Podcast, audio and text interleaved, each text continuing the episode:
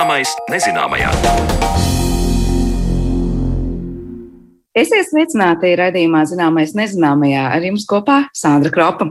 Šodien runāsim par senu vēsturi Latvijas teritorijā. Arheologi, vēsturnieki un vidas zinātnieki apvienojuši spēkus, lai izpētītu Baltijas jūras piekrasti Latvijas teritorijā. Kā cilvēks ietekmēs pie jūras ainavu, kādus dabas resursus lietojas pirms simtiem un tūkstošiem gadu un kā mainījusies pie jūras ainava, par to jau pavisam drīz stāstīsim raidījuma otrajā daļā. Bet līdz tam iepazīsim tuvāk ar vien retāk sastopamo dzintaru. Specifisku koku sveķi, bezskābekļa vide un silta gaisa temperatūra ir tie faktori, kas nepieciešami, lai veidotos dzintars. Kas nosaka šī minerāla krāsu, kas ir tā sastāvā un kādas ir dzintara īpašības, par to interesējās Zana Lāca Baltalksne. Pienaini bāli, matēti brūni, meduskrāsā, mazi, rupgraudaini un koši apaļīgi. Tādus dzintara gabalus un gabaliņus šai intervijai par godu uz galda ir nolikusi ģeoloģijas zinātņu doktore un Latvijas Universitātes muzeja eksperte Vija Hodireva. Tostarp viņa rāda muzeja senāko dzintara eksemplāru, ko 1897. gadā mūsu teritorijā ir uzgājis toreizējais Rīgas Politehniskā institūta profesors Kārlis Bruno Doss. Taču paša dzintara mūžs ir krietni vien vecāks. Pirmie dzintari sāka veidoties karbona periodā, tas ir pirms 300 miljoniem gadu. Tas dzintars, kas ir rodams Baltijas jūras reģionā, ir datējams ar 40 miljonu gadu senu pagātni, bet ir arī jaunāki šī tā dēvētā saules akmens eksemplāri. 40 miljonus mēs aptuveni sakām tad, kad visvairāk ir veidojies dzintars un tieši pie mums, pie Baltijas jūras. Interesanti jau tā veidošanās ir. Jā, tad, kā tad nu, mēs visi zinām, tēlaini izsakoties, tās ir priežu asaras. Tā tad sveķis ir tas pirmais, bet vai tie ir jebkuri koki? Faktiski nē. Jo zinātnieki tiešām noskaidrojuši tādus dažus, ne tikai priedes, ne tikai tās, ko mēs saucam par dzintara priedēm, mazliet citi arī skoju koki, kuriem ir sveķi, kuri var izdalīties no koka un veidot to dzimtaru. Bet fakts ir tāds, ka tie ir gandrīz visi izmirušie augi.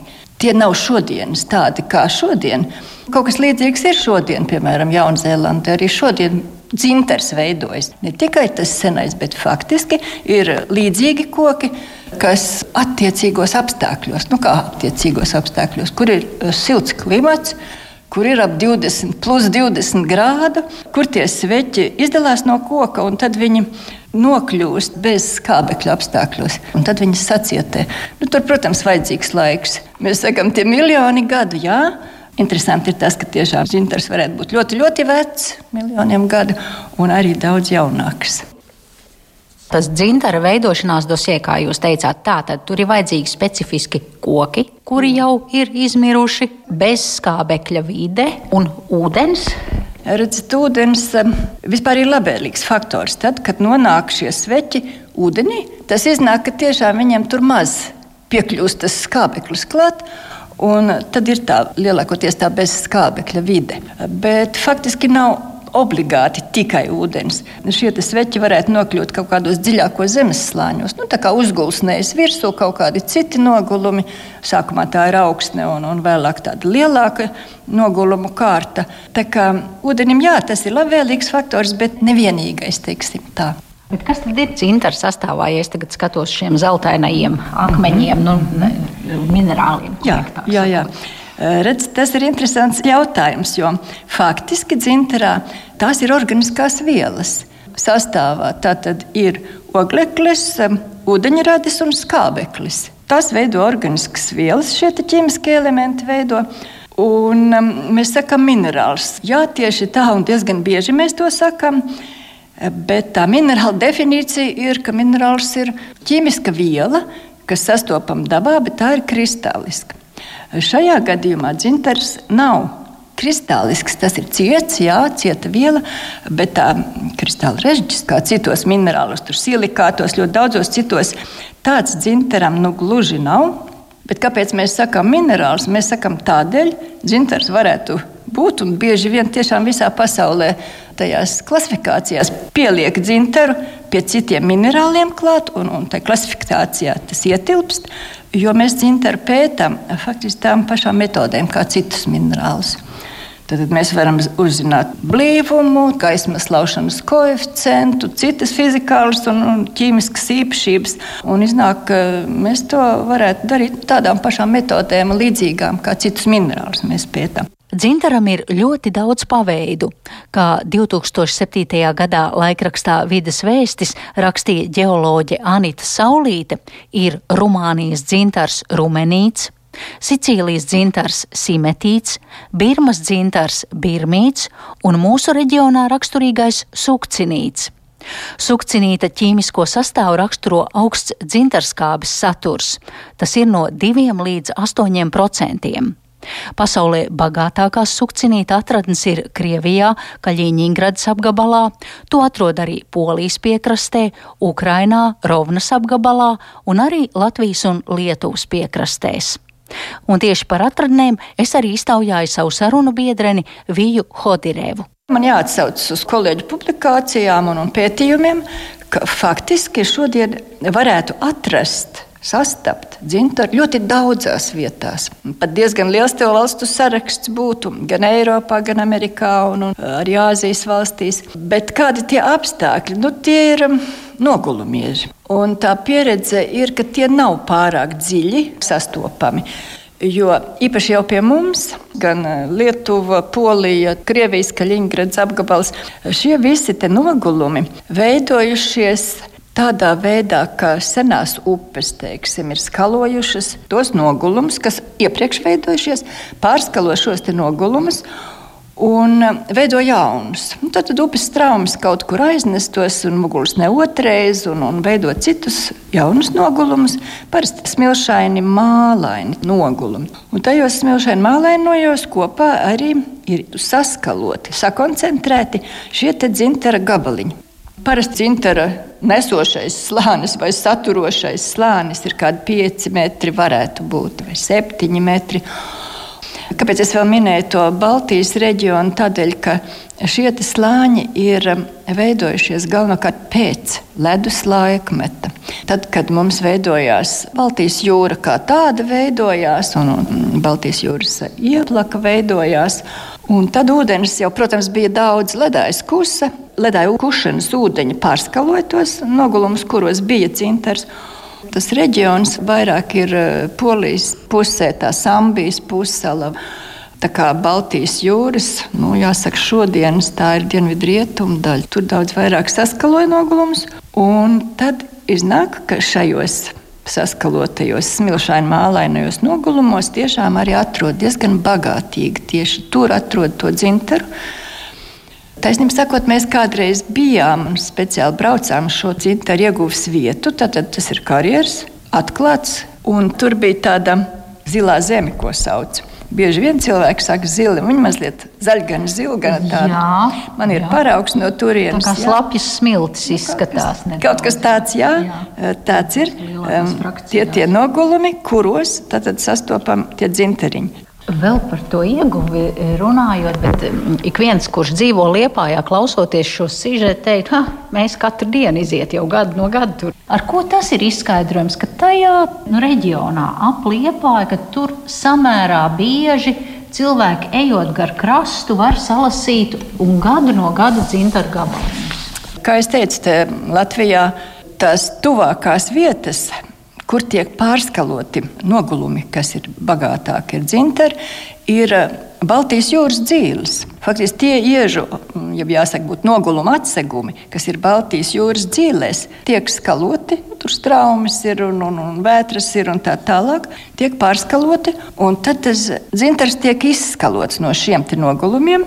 Nu, lūk, jūras traumas tiešām mums ir tādas, ka gar Latvijas piekrasti jūras traumas Baltijas jūrā nāk no tās um, dienvidrietumu daļas, gar uh, liepāju, gar to jūras krastu un mazliet arī Rīgas līcī ir tāda uh, ūdens traumas ir no, novērotas.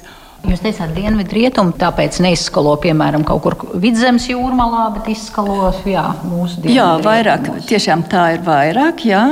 Bet, ziniet, tā nav vienīgā vieta. kur var atrast Latvijā.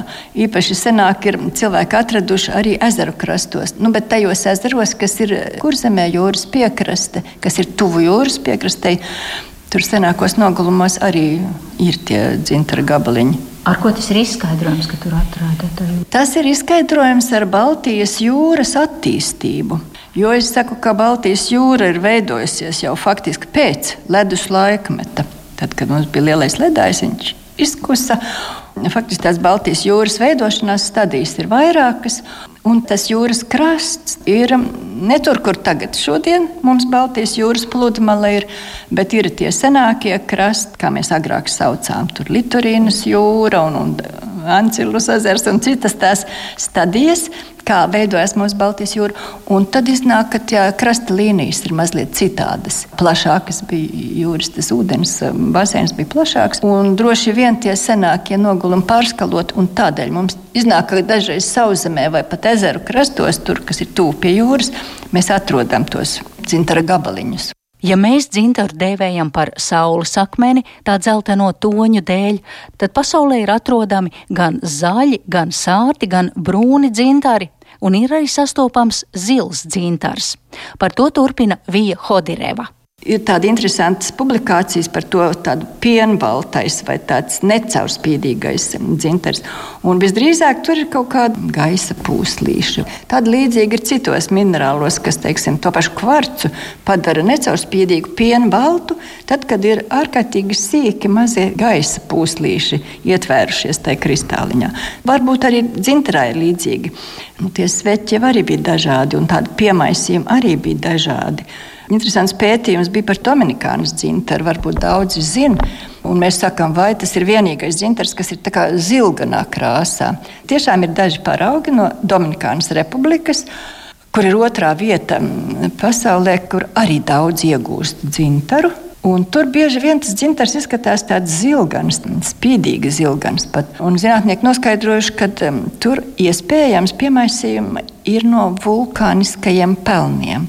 Un šis tas tāds putekļains piemaisījums dod pat to krāsu. Par dzintaru stāstīja geoloģijas zinātņu doktora un Latvijas Universitātes muzeja eksperta Vija Hodereva, bet raidījuma turpinājumā pievēršamies Baltijas jūras piekrastei un cilvēku dzīvei jūras krastā senatnē.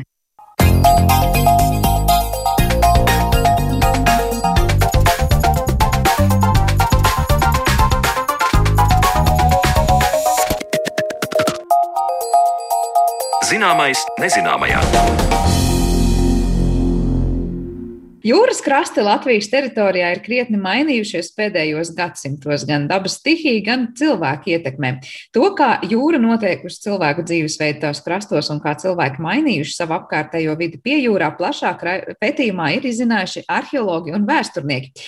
Par to, ko viņi ir pētījuši un ko uzzinājuši, tad sīkāk runāsim turpmākajās minūtēs ar mūsu studijas viesiem. Latvijas Universitātes Latvijas vēstures institūta vadošo pētnieci Ilgu Zagorsku. Labdien! Labdien! Latvijas Universitātes lektori Elīnu Guščiku. Sveicināti! Nāti. Kā arī arheologu un šī pētījuma projekta vadītāju Valdi Bērziņu. Labdien! Labdien! Es sākšu varbūt valdi ar jums, un droši vien tad dāmas var papum, papildināt arī par pašu šo pētījumu. Tas ir kaut kas nu, nebijis konkrētajam laikam, teritorijam, un tas, cik ļoti varbūt da, starpdisciplināri esat pētījuši konkrēto piejūras reģionu. Vai mēs varam teikt, tas ir kāds nu, labi, labs turpinājums kādreiz savulaik iesāktam kāda cita pētnieka darbam, proti par to, ko esat izpētījuši. Saprotu, tas ir piejūras teritorija gan Rīgas līča krasta pusē, gan arī Baltijas jūrā. Bet nu, tas laika griezums diezgan, diezgan plaši atklājiet mūsu klausītājiem, par ko ir stāsts. Jā, tā tad nu, mēs jau visi, varbūt no savas pieredzes, kam ir kaut kāda pieredze ar jūras krastu, zinām, ka jūras krasts ir pakļauts izmaiņām, nu, piemēram, kaut vai tā paša krasta noskalošana. Tātad, bet mūsu projekts tik tiešām aptver šos dažādos procesus, kas ir notikuši ilgā laika posmā, kas ir izmainījuši mūsu piekrastes ainavu.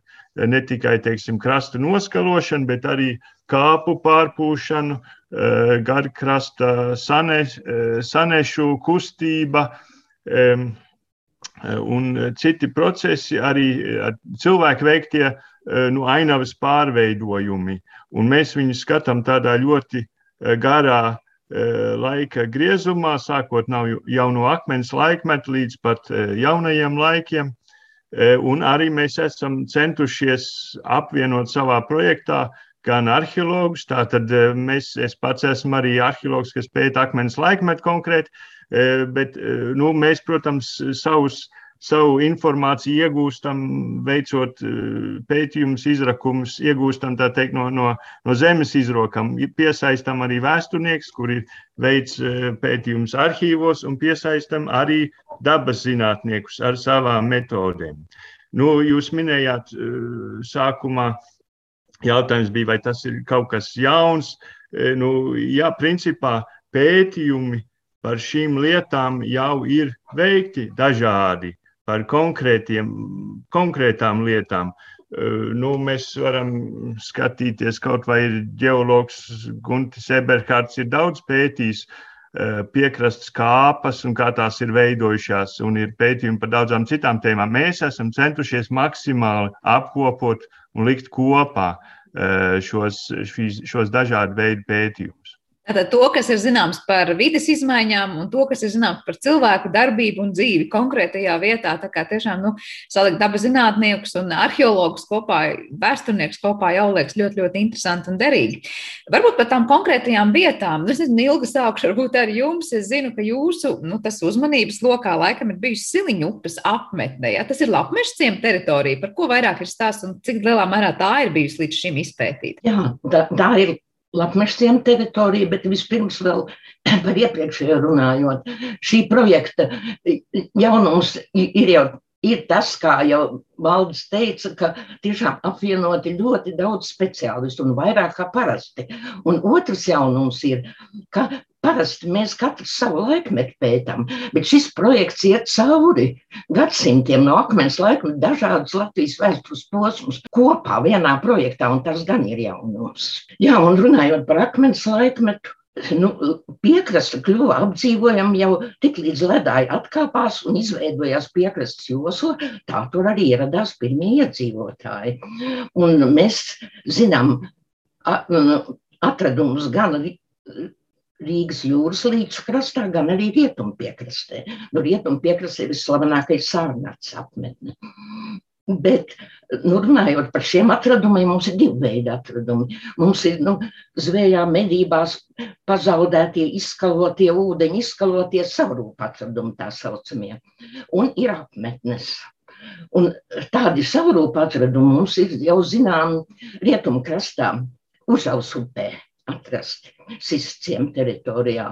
Un tur ir pilnīgi unikāla kaula un ragrieku kolekcija iegūta, ko mēs arī ietveram šajā projektā. Tur ir gan zvejas, gan medību rīki, gan darba rīki.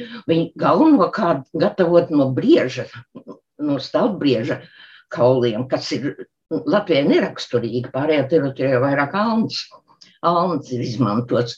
Un otrs ir, kad viņi izmantojuši jau ļoti daudz nomestos dzīvnieku ragus. Un šī kolekcija tiešām ir unikāla. Tur ir arī daudz mākslas priekšmetu.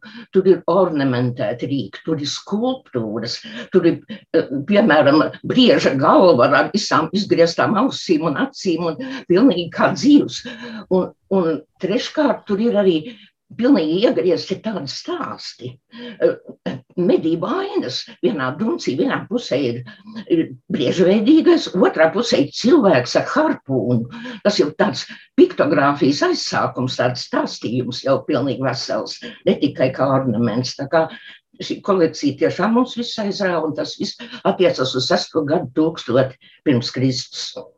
Nu, tā, protams, ir apmetnes. Ja apmetnes ir gan rietumkrastā, jaunas atklātas, gan, gan arī e, plašāk pētītas ir jau agrāk zināmās. Nu, Siliņupas apmetne ir viena no interesantākajām.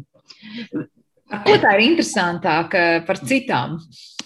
Tāpēc, ka viņai šī pie jūras nu, puskilometru faktiski no tagadējā jūras līmeņa ar divām kāpu grēdām tādā ielajā.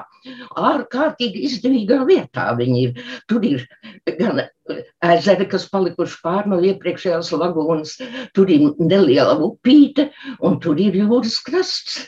Un Tā, tā kā viņi varēja gan, gan saldūdenī zivis ķert, gan jūrā dzīvniekus, gan arī protams, mežā, jo visapkārt bija meži, tā kā bija ārkārtīgi izdevīgā situācijā.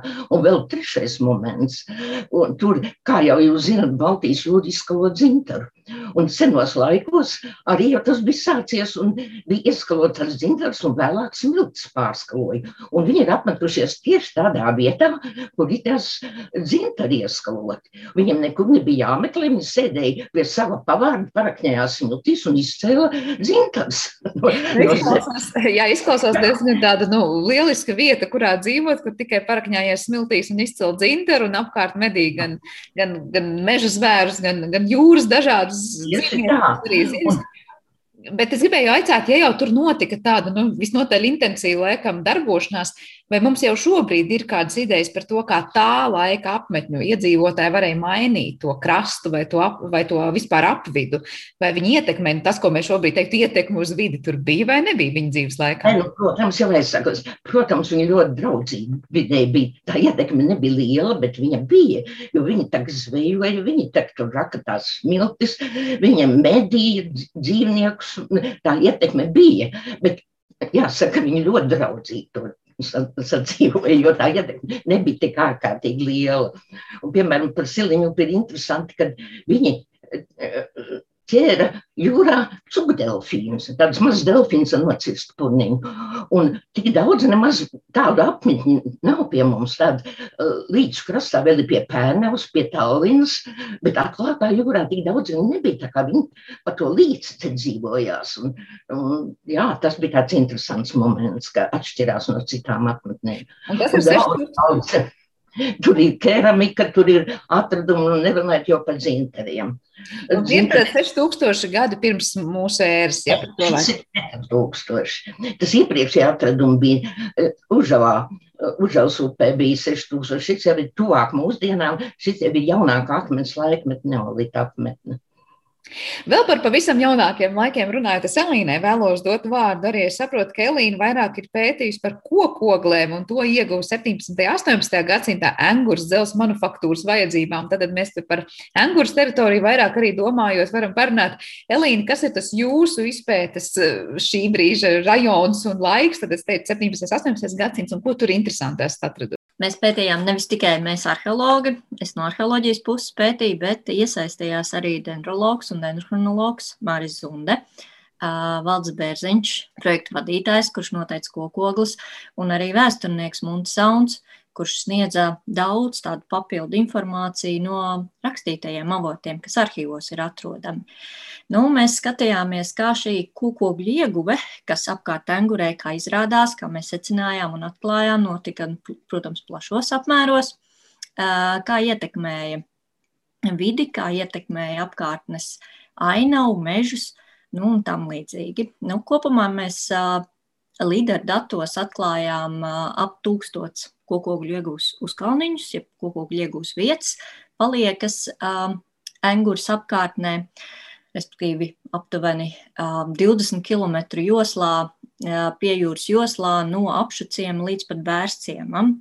Un vienu šādu objektu mēs arī daļai izpētījām arheoloģiski, iegūstot gan dažādus kokogļu paraugus, tostarp vienam kokogļu paraugam Māris Zunda spēja noteikt precīzu um, gadskaitli, um, nu, kad veidojasies šī jaunākā koku gadskārta, tad, kad koks ir uh, cirts, cirsts, uh, tātad tas bija 1701. gads, kas pilnībā atbilst um, angurs manufaktūras darbībai.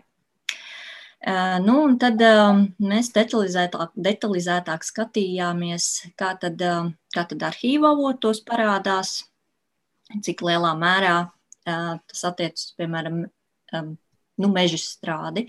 Un Montes Sounds arhīvos ir konstatējis, ka, piemēram, koku ieguvēji netika ļauts izcirst, piemēram, kaut kādas veselas teritorijas, kā kailciršu veidā, bet uh, visi lietas koki uh, bija jāatstāj un tam līdzīgi. Um, un, uh, pēc Māra Zundas aprēķiniem, ja, ja mēs skatītos, piemēram, uh, visas tās angļu manufaktūras darbošanās laikā, Kalcirta, ja tā būtu, tad tas būtu aptuveni 1000 līdz 1500 hektāru būtu izcirsti. Taču, kā jau es teicu, tādā kalcirtē priekš kokoglēm necirta mežus. Un arī rakstītajos avotos, arhīvos var redzēt, ka, piemēram, jau 18, 18. gadsimta vidū ir minēts, ka no astoņiem meža platībām Enguras mūžas, trīs tikai bijušas labā stāvoklī, pārējās jau bijušas daļai tur um, izcirstas, um, nodegušas un tam līdzīgi. Un tā tad nu, ļoti liela ietekme šim bijusi uz uh, tādu apkārtējo vidi kūkokļu iegūst procesam. Jā, nu droši vien, es nezinu, skatoties pa visu to piejūras teritoriju kopumā, kurā laikmetā var teikt, cilvēki ir bijuši tādi nu, vairāk to vidi ietekmējuši ar savu dzīvi un darbošanos tur, un kurā mazāk. Jo tad, kad ilgi tikko man stāstīja par akmens laikmetu, liekas, nu, tur varbūt tā ietekme bija krietni mazāka, un varbūt cilvēki daudz kaut kā, nu, nezinu, vidē draudzīgāk, ja mēs mūsdienas terminoloģijā runātu, saimniekoja. Un savukārt, varbūt, jo tuvāk mūsdienām, jo tā intensitāte ir cita un tā ietekme ir cita. Valda, varbūt jūs gribat tā kopumā komentēt to visu teritoriju. Jā, bet vispirms viena īsa piebilde pie tā, ko Elīna stāstīja, proti eh, konkrēti par eh, kokogļu iegūs uzkalniņiem Engurē. Engūras eh, apkārtnē tieši šodien arī ir publicēts zinātnisks raksts Latvijas Vēstures institūta žurnālā. Tas ir brīvi pieejams, jebkuram internetā var ieiet apskatīties Latvijas Vēstures institūta žurnālā jaunāko numuru. Bet kas attiecās uz, uz to, kad intensīvāk ietekmēja piekrastes vidi, nu, eh, man gribētos teikt, ka šķiet, ka tādā nu, industrializācijas laikā, arī laikā, kad bija koksnes eksports, tātad jaunajos laikos, varbūt 16, 17, 18 gadsimtā, tiešām notika, eh, cik var spriest pēc vēsturiskiem avotiem, intensīvu meža izciršanu eh, pie jūras rajonos, kas izraisīja arī eh, smilšu pārpūšanu un radīja lielas problēmas ar ceļojošām kāpām, un kas pēc tam bija process, ko bija ļoti grūti apturēt. Un, un šies, šis darbs, lai apturētu smilšu pārpūšanu, turpinājās vēl līdz, var teikt, 20. gadsimta vidum. Tagad tās bija tādas ļoti milzīgas, faktiski, nu, varbūt aiz nu, nezināšanas vai aiz, aiz, aiz tādas eh, paviršības pret šo, šo vidi izraisītas eh, problēmas jaunajos laikos. Cik daudz mums ir zināms par to, kā savukārt otrādi daba ietekmēja turienes eh, cilvēkus un viņu dzīves eh, ainavu un apstākļus? Nu, ja mēs runājam par akmens laikmetu vai jaunākiem laikiem, es laikam sākšu ar ilgu jums. Eh, cik daudz mums ir zināms, ka, piemēram, dzīvojot piekrastes josliņā, ko jūs pirms tam raksturojāt, tiešām kā tādu liekas, nu, ideāliem apstākļiem, lai zvejotu un medītu, vai viņi bieži saskārās ar kādām postošām vētrām vai, vai vēl ko citu? Nu, protams, nu, protams, kā tur nu, bez tā bija gan vētras, gan plūdi, gan, gan visādas lietas, un droši vien arī ugunsgrēki, meža un, un tam, tam līdzīgas lietas. No tā jau viņi nevarēja izvairīties. Bet vismaz, jā, es te gribēju piebilst par datējumu siliņups. Tas ir 4. gadu tūkstots pirms Kristus, bet no mūsdienām tas ir 6 tūkstoši. Tas tāds maz precizējums. Jā, tas vienmēr jāpaturprātā, skaitot šo pirms mūsu ēras, liekam, vienmēr klāt šos, šos gadus. Elīna, vai būs kas piebilstams par to, kā daba ietekmēja nu, kaut vai Angūras krastā dzīvojošos, vai vēl kādas citas teritorijas pie jūrām? Nu, es tā vispārīgi man grūti pateikt, bet es varu, piemēram, kā tas izpaudās kokogļu ieguves vietās. Piemēram, mēs analizējot kokogļu paraugus, bija, bija tiešām secināms, ka viņi izmantoja tos resursus, kas tiešām bija apkārt, un tās galvenās dedzināmās tā koksne, tā arī bija priede. Vēl varbūt, ko es varu pieminēt par pašiem senākiem laikiem, ir arī tas, ka, ja mēs skatāmies tādā ilgākā laika periodā, ir tātad mainījies e, Baltijas jūras līmenis e, attiecībā pret sauszemi, un tas arī ir izraisījis ļoti lielas teiksim, krasta līnijas izmaiņas. Nu, projekta ietvaros, un tas, protams, ietekmēja šo, šo ainavu, ietekmēja nu, to, kurās vietās cilvēki izveidoja savus apmetnes un, un kādus resursus viņi tur varēja izmantot. Nu, viens piemērs, ko, kas ir pētīts mūsu projekta ietvaros, ir, ir tā senā, ir, ir senā Ventspils lagūna, jeb līcis, kas pastāvēja pirms daudziem gadu tūkstošiem no mūsdienu Ventspils apkārtnē. Tiem, kam ir zinām tā puse, nu, tur ir liels, plašs līdzenums. Nu, šis līdzenums senos laikos bija tā tāds liels jūras līcis vai, vai, vai lagūna. Un cilvēki ir, un arheoloģiskie pētījumi rāda, ka ir akmens laikmetā cilvēki iedibināja diezgan daudzas apmetnes šīs lagūnas krastos, un acīm redzot, tā arī bija tāda ūdens tilpa, kas deva cilvēkiem plašas iespējas zvejot, arī jūras zīdītājus medīt un, un, un putnus medīt un tā tālāk. Un tas, teiksim, nu, tā ir tāda, te, nu, tāda ūdens tilpa, kas pilnīgi ir nu, pilnīgi izzudusi mūsdienās. Šī situācija tādā kurzemes daļā ir pilnīgi izmainījusies. Un tas vēl bija teiksim, pirms dažiem, eh, pirms vairākiem gadu tūkstošiem. Tātad no tāda nu, ģeoloģiskā ziņā tie ir ļoti jauni laiki. Un ļoti būtisks tādas izmaiņas eh, tajā periodā, kad cilvēki dzīvojuši mūsu piekrastē. Bet, ja par to lagūnas laiku mēs runājam, es saprotu, tie ir kaut kādi 50 km. Ja, pat, ja mēs runājam no Vēnspils, piemēram, skatoties iekšzemes virzienā, ko savulaik ir klājas ūdens, bet tas vēl laikam ir tas senais laiks, ka tas bija saldūdens, ja, ka jūra pati bija nu, negluži tāda kā mūsdienās. Jā, tas ir, nu, ir vispirms šī attīstība ļoti, ļoti sarežģīta. E, un tāpēc varbūt arī geologi to nav tik plaši popularizējuši, kā to varētu darīt. To tā ir tāda interesanta, interesanta eh, ainavas attīstība. Eh, bet jā, bija šis saldūdens Baltijas ledus ezers, tad bija tāda iesāļa Joldijas jūra, tad bija atkal saldūdens, un tad bija liela lagūna tur, un tad bija atkal diezgan sāļā Liturienas jūra, un tad arī izveidojās liela lagūna šajā, šajā apkārtnē. Bet es gribēju pieminēt arī to, ka nu, mūsu tieši projekta ietvaros ir eh, maģistrāns Edijs Brejers. Viņš ir veicis, eh, izmantojot jaunos līdaru, nu, respektīvi, eh, aerolāzeru skenēšanas reliefu datus un arī izmantojot sarežģītas matemātiskas metodas, viņš ir modelējis tieši šīs senās krasta līnijas. Tāpēc tieši tagad ir arī daudz skaidrāk saprotams, uh, kā mainījās šīs, šīs krasta līnijas, kāda bija eh, šī ainava eh, nu, dažādos periodos. Tas ir kaut kas pavisam jauns, un, un, un, un, un tas ir ļoti sarežģīts darbs, kas ir veikts. Jā, nu tā krasta līnija tiešām, laikam, mūsdienu skatījumā ir pavisam citādāka nekā tā bija pirms vairākiem tūkstošiem gadu. Bet, ja mēs runājam par to, cik apdzīvota bija tā piekrastes teritorija, nu, mēs laikam jau kopš skolas laikiem vēstures stundā zinām, vienmēr mācījāmies, ka nu, tur, kur bija iespēja ko zvejot vai pārvadāt, tur vienmēr bija cilvēki, un tā ir piekraste. Bet tikpat labi, nu, tā var būt kādas upes krasts kaut kur tālu iekšzemē. Kā ir, ja mēs skatāmies uz mūsdienu, nu, šo te piekrastes teritoriju, ko esat pētījuši vairāk? Vai tā salīdzinoši tiem laikiem bija tāda, kur koncentrējās vislielākais cilvēku skaits, un tur tā aktivitāte tiešām bija liela, vai tās bija tādas nu, sporādiskas šīs apmetnes, ko arī Ilgi jūs sākumā stāstījāt? Un var teikt, ka tomēr lielais vairums tā laika cilvēku koncentrējās kaut kur tālāk pie upēm vai tālāk iekšzemē. Nu, akmens laikmetā jau bija apdzīvots krasts, kā es teicu, jūras Rīgas jūras līcis un rietumkrasts, bet no galvenā uh, apdzīvoti bija iekšzemē ap ezeriem un upītēm. Tie bija tādi centri, kā, kā piemēram Lubānas ezera baseins un Būtnieka ezers un rietumos arī Usmas ezers. Tie nu, tie nu bija tā, kā mēs saucam akmens laiku galvaspilsētas.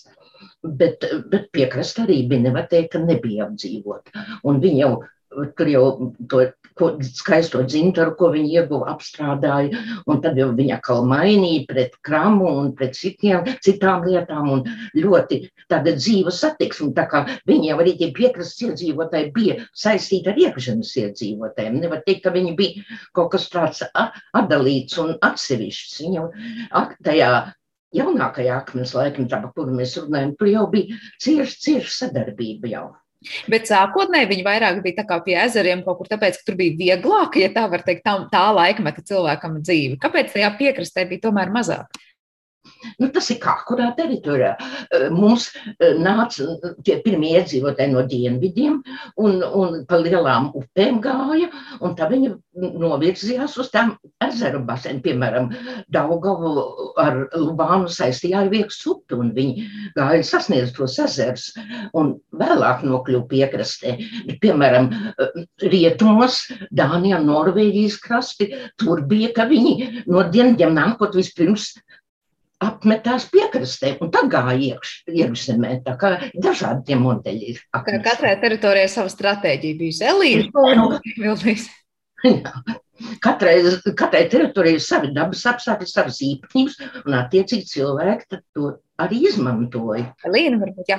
Nu, jaunajos laikos jau samērā vienmērīgi tā teritorija ir apdzīvota arī piekraste, un uh, valsts jau iezīmēja, ka tā, notika tā cīņa ar, ar visu um, no saimniecisko darbību, kas, kas izraisīja pēc tam, kad kāps pārpūstas tiek un uh, tiek veseli ciemi aprakti, un uh, tas arī tiek šī projekta ietvaros pētīts. Un, jā, Izmaiņas ir bijušas, es saprotu, par Lilasti ir stāsts šobrīd par apūstajiem ciematiem. Par Lilasti, gan par Ventspils apkārtni un um, arī, arī iepriekš bijuši pētījumi pašā Vēnspilī, arī kā Vēnspils tiek aizputināta un profesora Armanda Vijupa vadībā, un tā, ka ne, nu, ne tikai šī projekta ietveros, tā, ka, nu, Ir vairāk kā skaidrs, ka par katru no šīm teritorijām mēs varētu runāt sīkāk un smalkāk, un es pieņemu, ka interesantiem ir iespēja arī šobrīd, šobrīd atrast informāciju vēl daudz kur citur un tiešām paceļot laikā un šīs vietas skatīt mazliet citām acīm.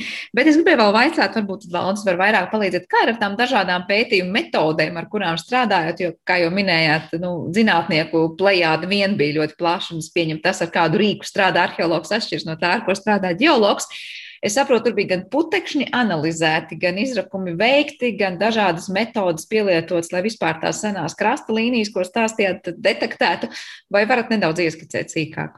Jā, nu es pieminēju, ka izmantoja matemātisko modelēšanu, lai krasta līnijas identificētu pēc, nu, pēc uh, reliefa, kas ir uh, Eh, sīkā, eh, ļoti detalizētā reliefa modeļa, ko mēs šobrīd eh, esam dabūjuši no, no saucamajiem LIDAR, vairo lāzeru skenēšanas datiem. Vēl ir, vēl ir tāda metode, ko sauc par uh, optiski stimulētās luminescences datēšanas metodi, kas ir, ko arī izmantoja mūsu projektā, kur principā var nu, noteikt, cik ilgs laiks ir pagājis e, kopš, teiksim, kaut kāda smilšu paraugs, kopš tas ir bijis pakļauts e, saules gaismas iedarbībai. Respektīvi, nu, ja ir kāds sens krasts, sen, sen kāp, e, cik ilgs laiks ir aptuveni, vismaz aptuveni pagājis kopš tās veidošanās. Nu, tad izmantojām arī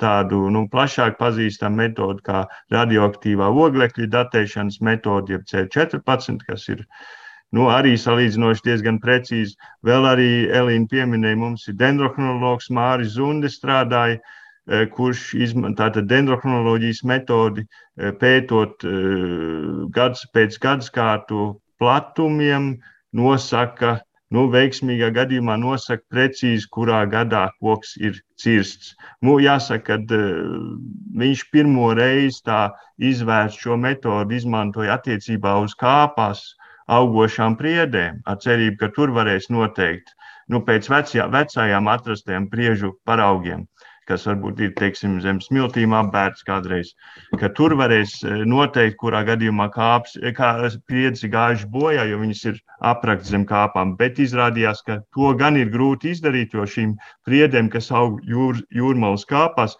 viņām ir ļoti individuāla augšanas dinamika. Tātad tur ir ļoti grūti kaut ko savilkt kopā un precīzi nodatēt. Bet nu, tā arī viena metode. Cerams, ka nākotnē tas izdosies veiksmīgāk. Bet nu, tās ir dažas tās metodas, kas tiek izmantotas. Jā, nu katrs milzīgs grautiņš nevelti var daudz ko pastāstīt par to, kā veidojies un kas ar to noticis, līdz ar to visu to ainavu palīdzēt labāk rekonstruēt. Bet par nākotni runājot, kas notiek tālāk? Es saprotu, šis pētījums šobrīd jau nu, noslēdzas vai ir noslēdzies pavisam. Kas ir tie tālākie soļi un, un ko mēs no šī, ko esam ieguvuši tālāk, kur pielietosim?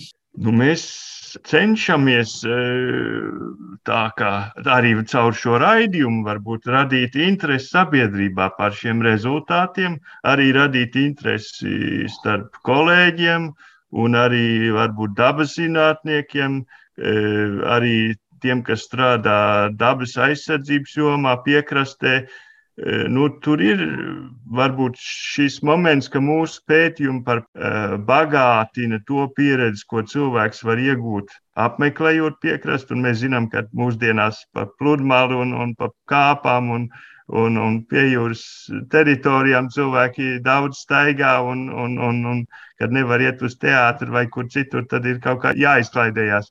Cilvēkiem ir pieredze ar šo piekrastes teritoriju, un, un es ceru, ka mēs varam šo pieredzi bagātināt. Arī tiem, kas, kurus, kuri profesionāli teiksim, nodarbojas ar mūsdienu problēmām piekrastes teritorijās. Ar šo teiksim, vēsturisko skatījumu mēs šo kopainu varam bagātināt. Jā, tas ir vairāk kā skaidrs, ka staigājot šobrīd pa piekrastes dažādiem apgabaliem, zinot šo informāciju, ko jūs visi trīs stāstījāt, un ko droši vien var stāstīt ik viens no jūsu pētījumā iesaistītiem zinātniekiem, nu, tā aina tiešām pavērs daudz plašāka un varbūt daudz dimensionālāka un dziļāka. Un tā pati aina var būt skatām tiešām ļoti dažādu gadsimtu un pat gadu tūkstošu cilvēku acīm.